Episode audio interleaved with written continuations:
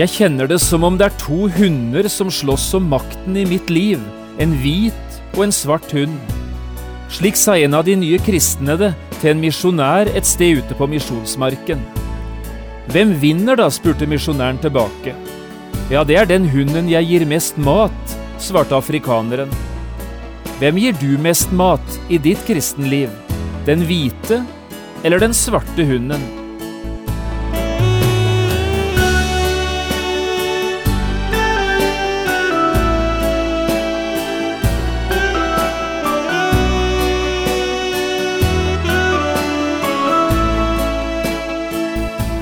Hjertelig velkommen til et nytt program i serien Vindu mot livet. Programmet er produsert av Kristen Riksradio og blir ledet av Jon Hardang. Kristen Riksradio drives av frivillige gaver. Vi er glade for din støtte.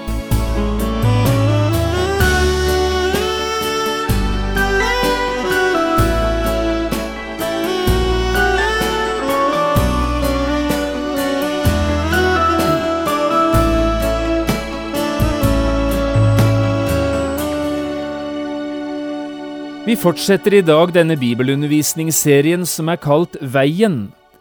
Dette var jo et navn som ble brukt om de første kristne. De hørte veien til. Med dette som utgangspunkt prøver vi her å ta fram en del viktige ting ved det å leve som kristen. Jeg har også skrevet en bok med samme tittel, Veien, som du kan få kjøpt i bokhandelen, eller ved å henvende deg til Kristen Riksradio vi skal i dag lese et avsnitt fra Galaterbrevet, kapittel 5, vers 16 og 17. Jeg har kalt dagens program En plagsom medvandrer. Og vi leser. Men jeg sier, vandre i ånden, så skal dere ikke fullføre kjødets lyst. For kjødet begjærer imot ånden, og ånden imot kjødet de to står hverandre imot, for at dere ikke skal gjøre det dere vil.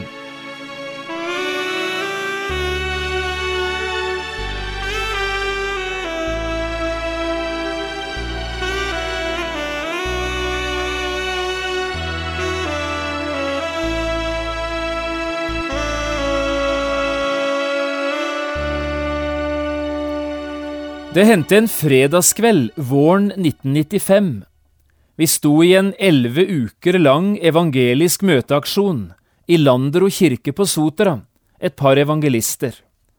Ganske mange nye mennesker hadde gitt sitt liv til Jesus i løpet av disse ukene, og begynte å bekjenne seg som kristne. Denne fredag kvelden hadde vi omsorgsprogram på Radio Sotra, den lokale nærradiostasjonen, etter at møtet i kirken var slutt og denne kvelden hadde vi besøk i studio av Jan Erik, en av de nyfrelste fra møteaksjonen, og så av Nelly, bestemora til kona hans. Nelly hadde fått et formidabelt bønnesvar disse ukene. Tre i hennes aller nærmeste familie hadde gitt seg over til Gud. Og nå satt de altså på radioen og fortalte, disse to, Nelly og Jan Erik. Det er litt merkelig sier Jan Erik. Jeg er jo egentlig den samme som før. Derfor lurer jeg av og til på om det er virkelig, det jeg nå har opplevd. Men dette fortalte jeg til bestemor i bilen på vei hit til studio i kveld, og da sa bestemor, Ja, det er riktig det, Jan Erik, du er den samme som før, og du vil aldri bli en annen enn Jan Erik. Men det er jo skjedd noe nytt med det, ikke sant? Du vet at ting i livet er forandret. Forholdet til Bibelen, forholdet til Jesus og forholdet til andre kristne. Det er helt normalt, det du nå føler, Jan Erik. Det gamle har ikke forandret seg, men det er født noe nytt inni det, ved siden av det gamle. Og dette stemte, sa Jan Erik, det er jo akkurat slik det er. Jeg ble så rolig da jeg hørte bestemor fortelle meg om dette så da er det kanskje i orden med meg likevel. Jeg tror det er ganske mange som kjenner seg igjen i det Jan Erik her setter ord på. Det er en del ting en virkelig blir overrasket over som helt ny kristen. Og ett av de store problemene som før eller siden dukker opp, det skriver Paulus om i Romerbrevet 7 og vers 19. Hør på dette. Det gode som jeg vil, gjør jeg ikke, men det onde som jeg ikke vil, det gjør jeg. Problemet går ut på følgende. Du hadde ventet at det skulle bli større forandringer i livet ditt enn det du nå opplever. Og dermed dukker det opp et spørsmål. Har det egentlig skjedd noe med meg? Jeg er jo på mange måter akkurat den samme som før. Vil jeg aldri bli helt annerledes? Dette var Jan Eriks problem, og kanskje er dette også ditt problem, du som hører nå. La meg prøve å beskrive dette problemet med litt andre ord. På den ene siden registrerer du altså at det har skjedd noe med deg, både i forholdet til Bibelen og Jesus, og i forhold til deg selv og kanskje til andre mennesker, kristne som ikke-kristne. Du er annerledes enn før, det står klart. Men samtidig er du altså akkurat den samme, med de samme følelsene og lystene de samme interessene og behovene. Og er du bånn ærlig, ja, så er du ikke alltid like sikker på om at det har skjedd noe med deg i det hele tatt. Mellom disse to følelsene, jeg er forandret, og jeg er jo akkurat den samme som før, utkjempes det nå en slags kamp, et slag, på en indre slagmark. Det er nesten som du av og til føler du går omkring som en levende, en vandrende borgerkrig. Slik kjenner mange det, og dette er nøyaktig det samme som det vi leste fra begynnelsen i dag, da vi leste fra Galaterbrevet 5.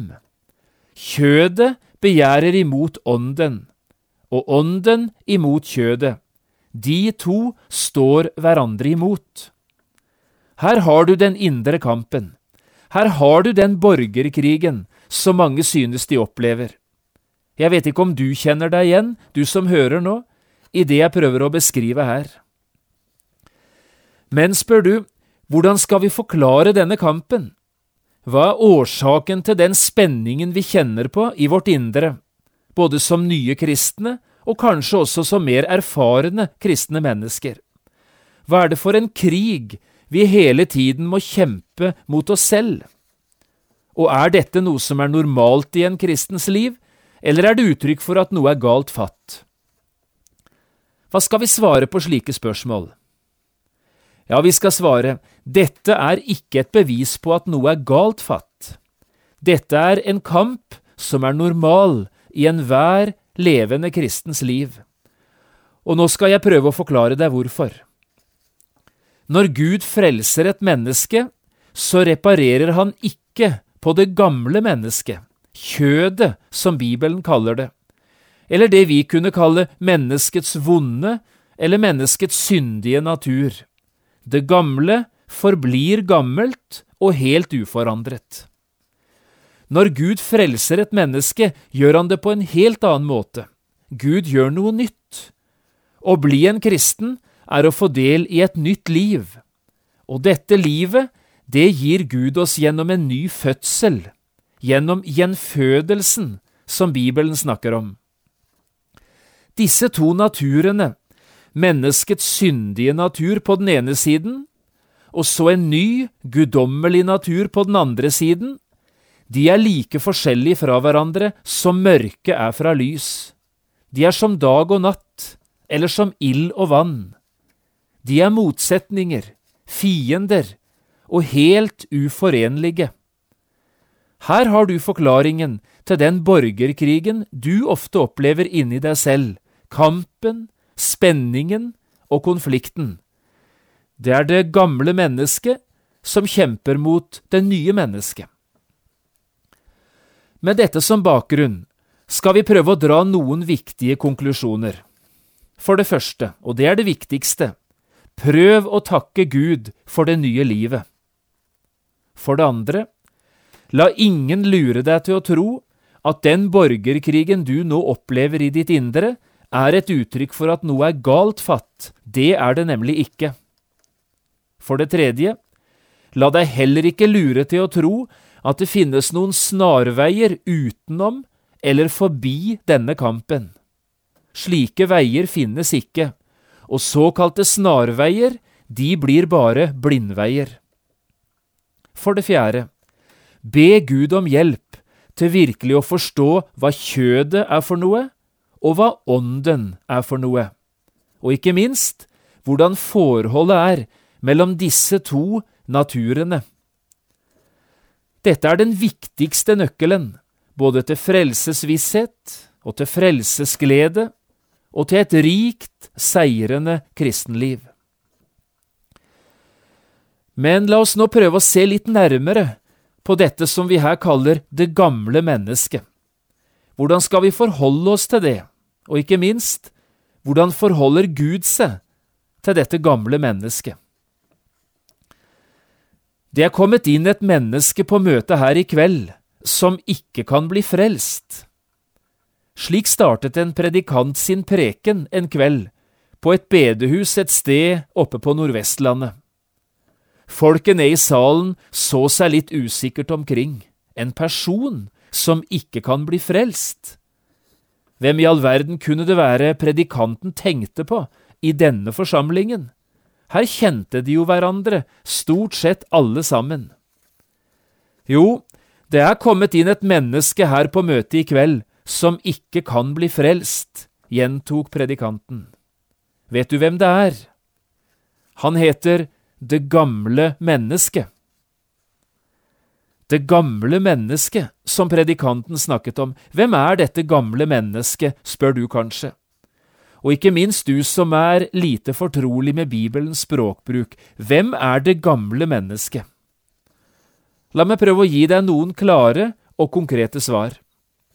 For det første, det gamle mennesket er et menneske i sin naturlige tilstand, altså mennesket slik det er fra fødselen av.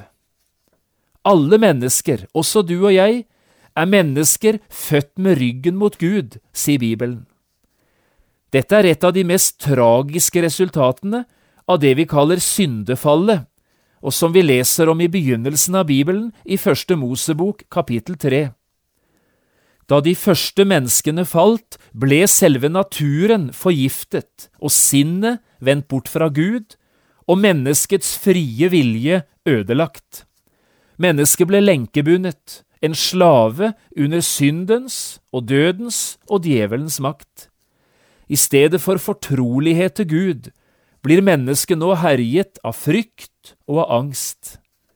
Det er derfor det gamle mennesket ikke elsker Gud, og har mye mer lyst til å gjøre sin egen vilje enn til å gjøre Guds vilje.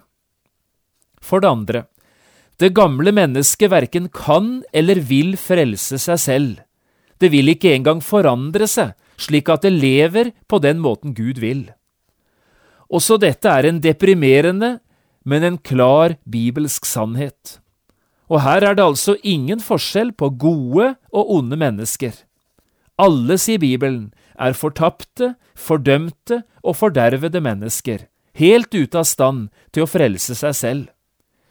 Det er derfor et menneske må bli frelst utenfra, av en frelser. I Romerbrevet 8 og vers 9 skriver Paulus disse ordene. Kjødets attrå er jo fiendskap mot Gud, for det er ikke Guds lov lydig, kan heller ikke være det. Dette betyr altså at frelse ikke består i å forandre seg selv. Det er heller ikke å forbedre seg selv. Frelse går til og med ikke ut på at Gud vil forandre det gamle mennesket. Frelse er noe helt annet, det er å bli født på ny, født ovenfra, født av Gud, slik at et helt nytt menneske blir til ved siden av dette gamle. Det er derfor at alle kristne har to naturer, to vidt forskjellige naturer. Og så det tredje. En kristen skal slippe å vente noe godt av det gamle mennesket. Han skal vente alt godt av Jesus. Nye kristne blir ofte skuffet over seg selv, eldre kristne også forresten.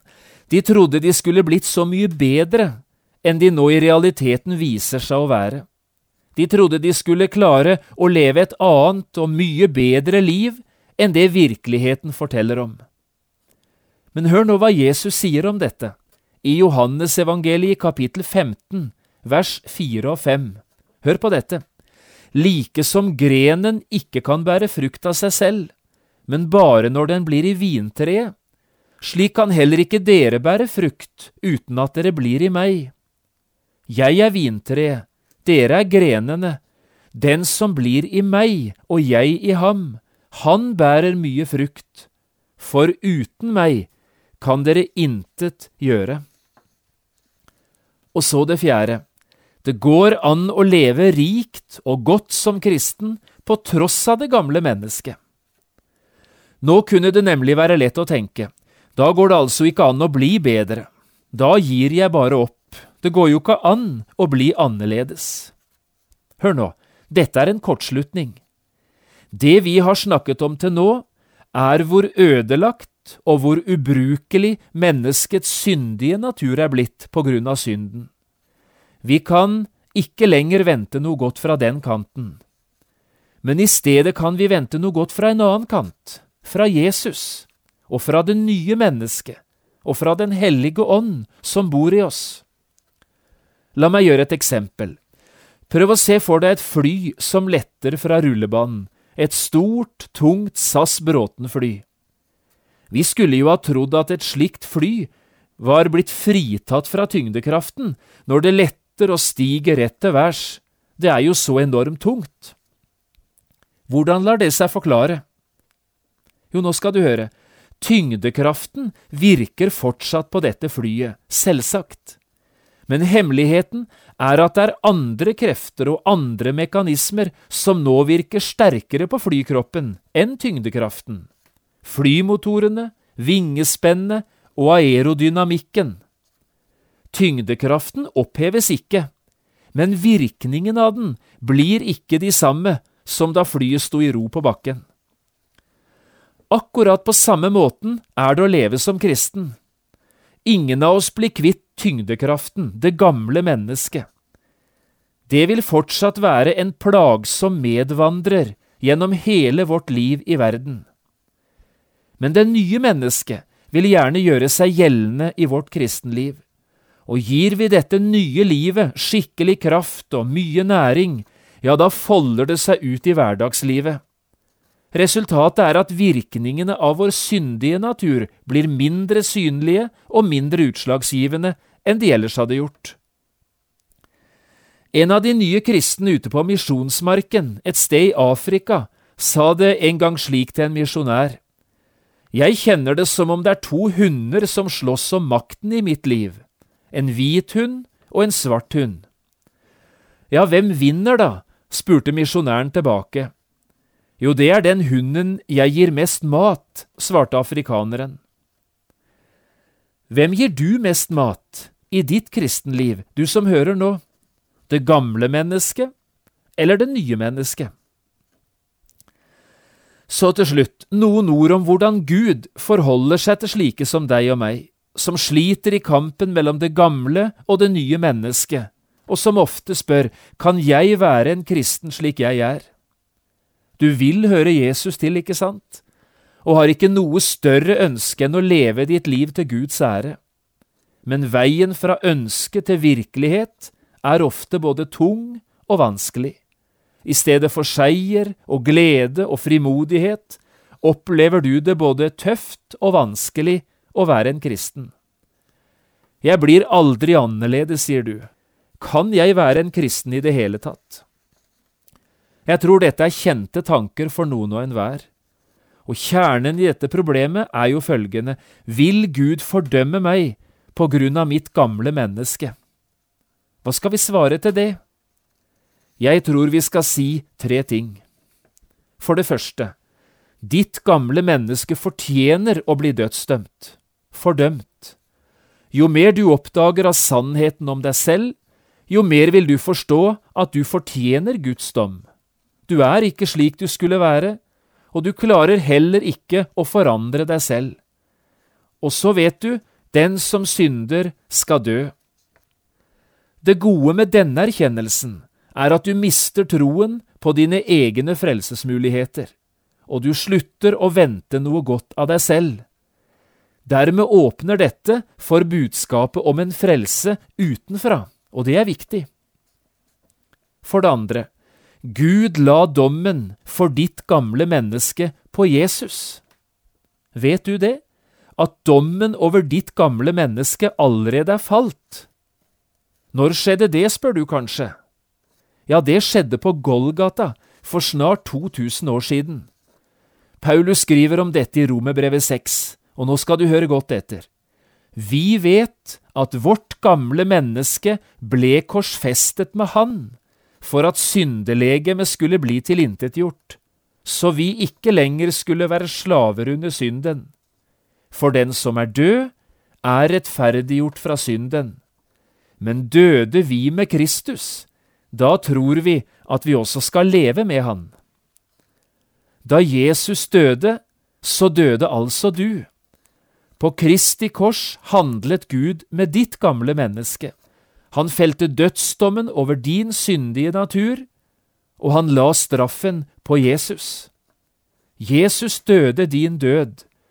I Guds øyne er du, ifølge ditt gamle menneske, allerede å betrakte som død. Og hør nå, det er det tredje. Gud vil ikke straffe deg for det som Jesus er blitt straffet for. Heller ikke norsk lov kan kreve noe av en som allerede er død og har en mann sonet straffen for en forbrytelse, så kan han ikke dømmes om igjen for den samme forbrytelsen.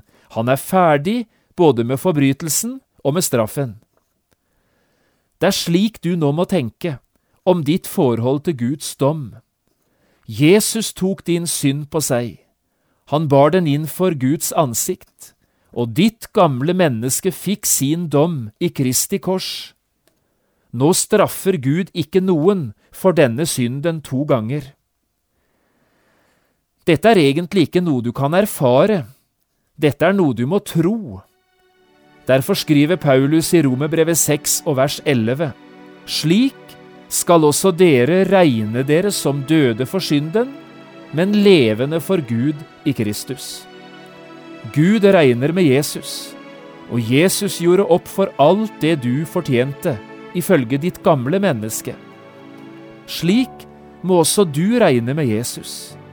Bare slik går regnestykket opp, og bare slik blir du en frigjort og glad kristen, på tross av ditt gamle menneske, akkurat slik Jan Erik opplevde det i 1995.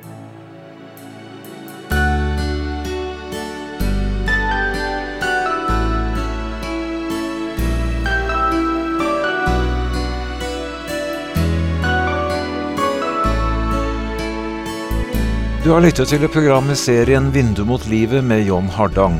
Programmene i denne serien kan også kjøpes på CD fra Kristen Riksradio, eller høres på internett på p7.no. Har du spørsmål eller kommentarer til det du nå har hørt, kan du ta kontakt med oss.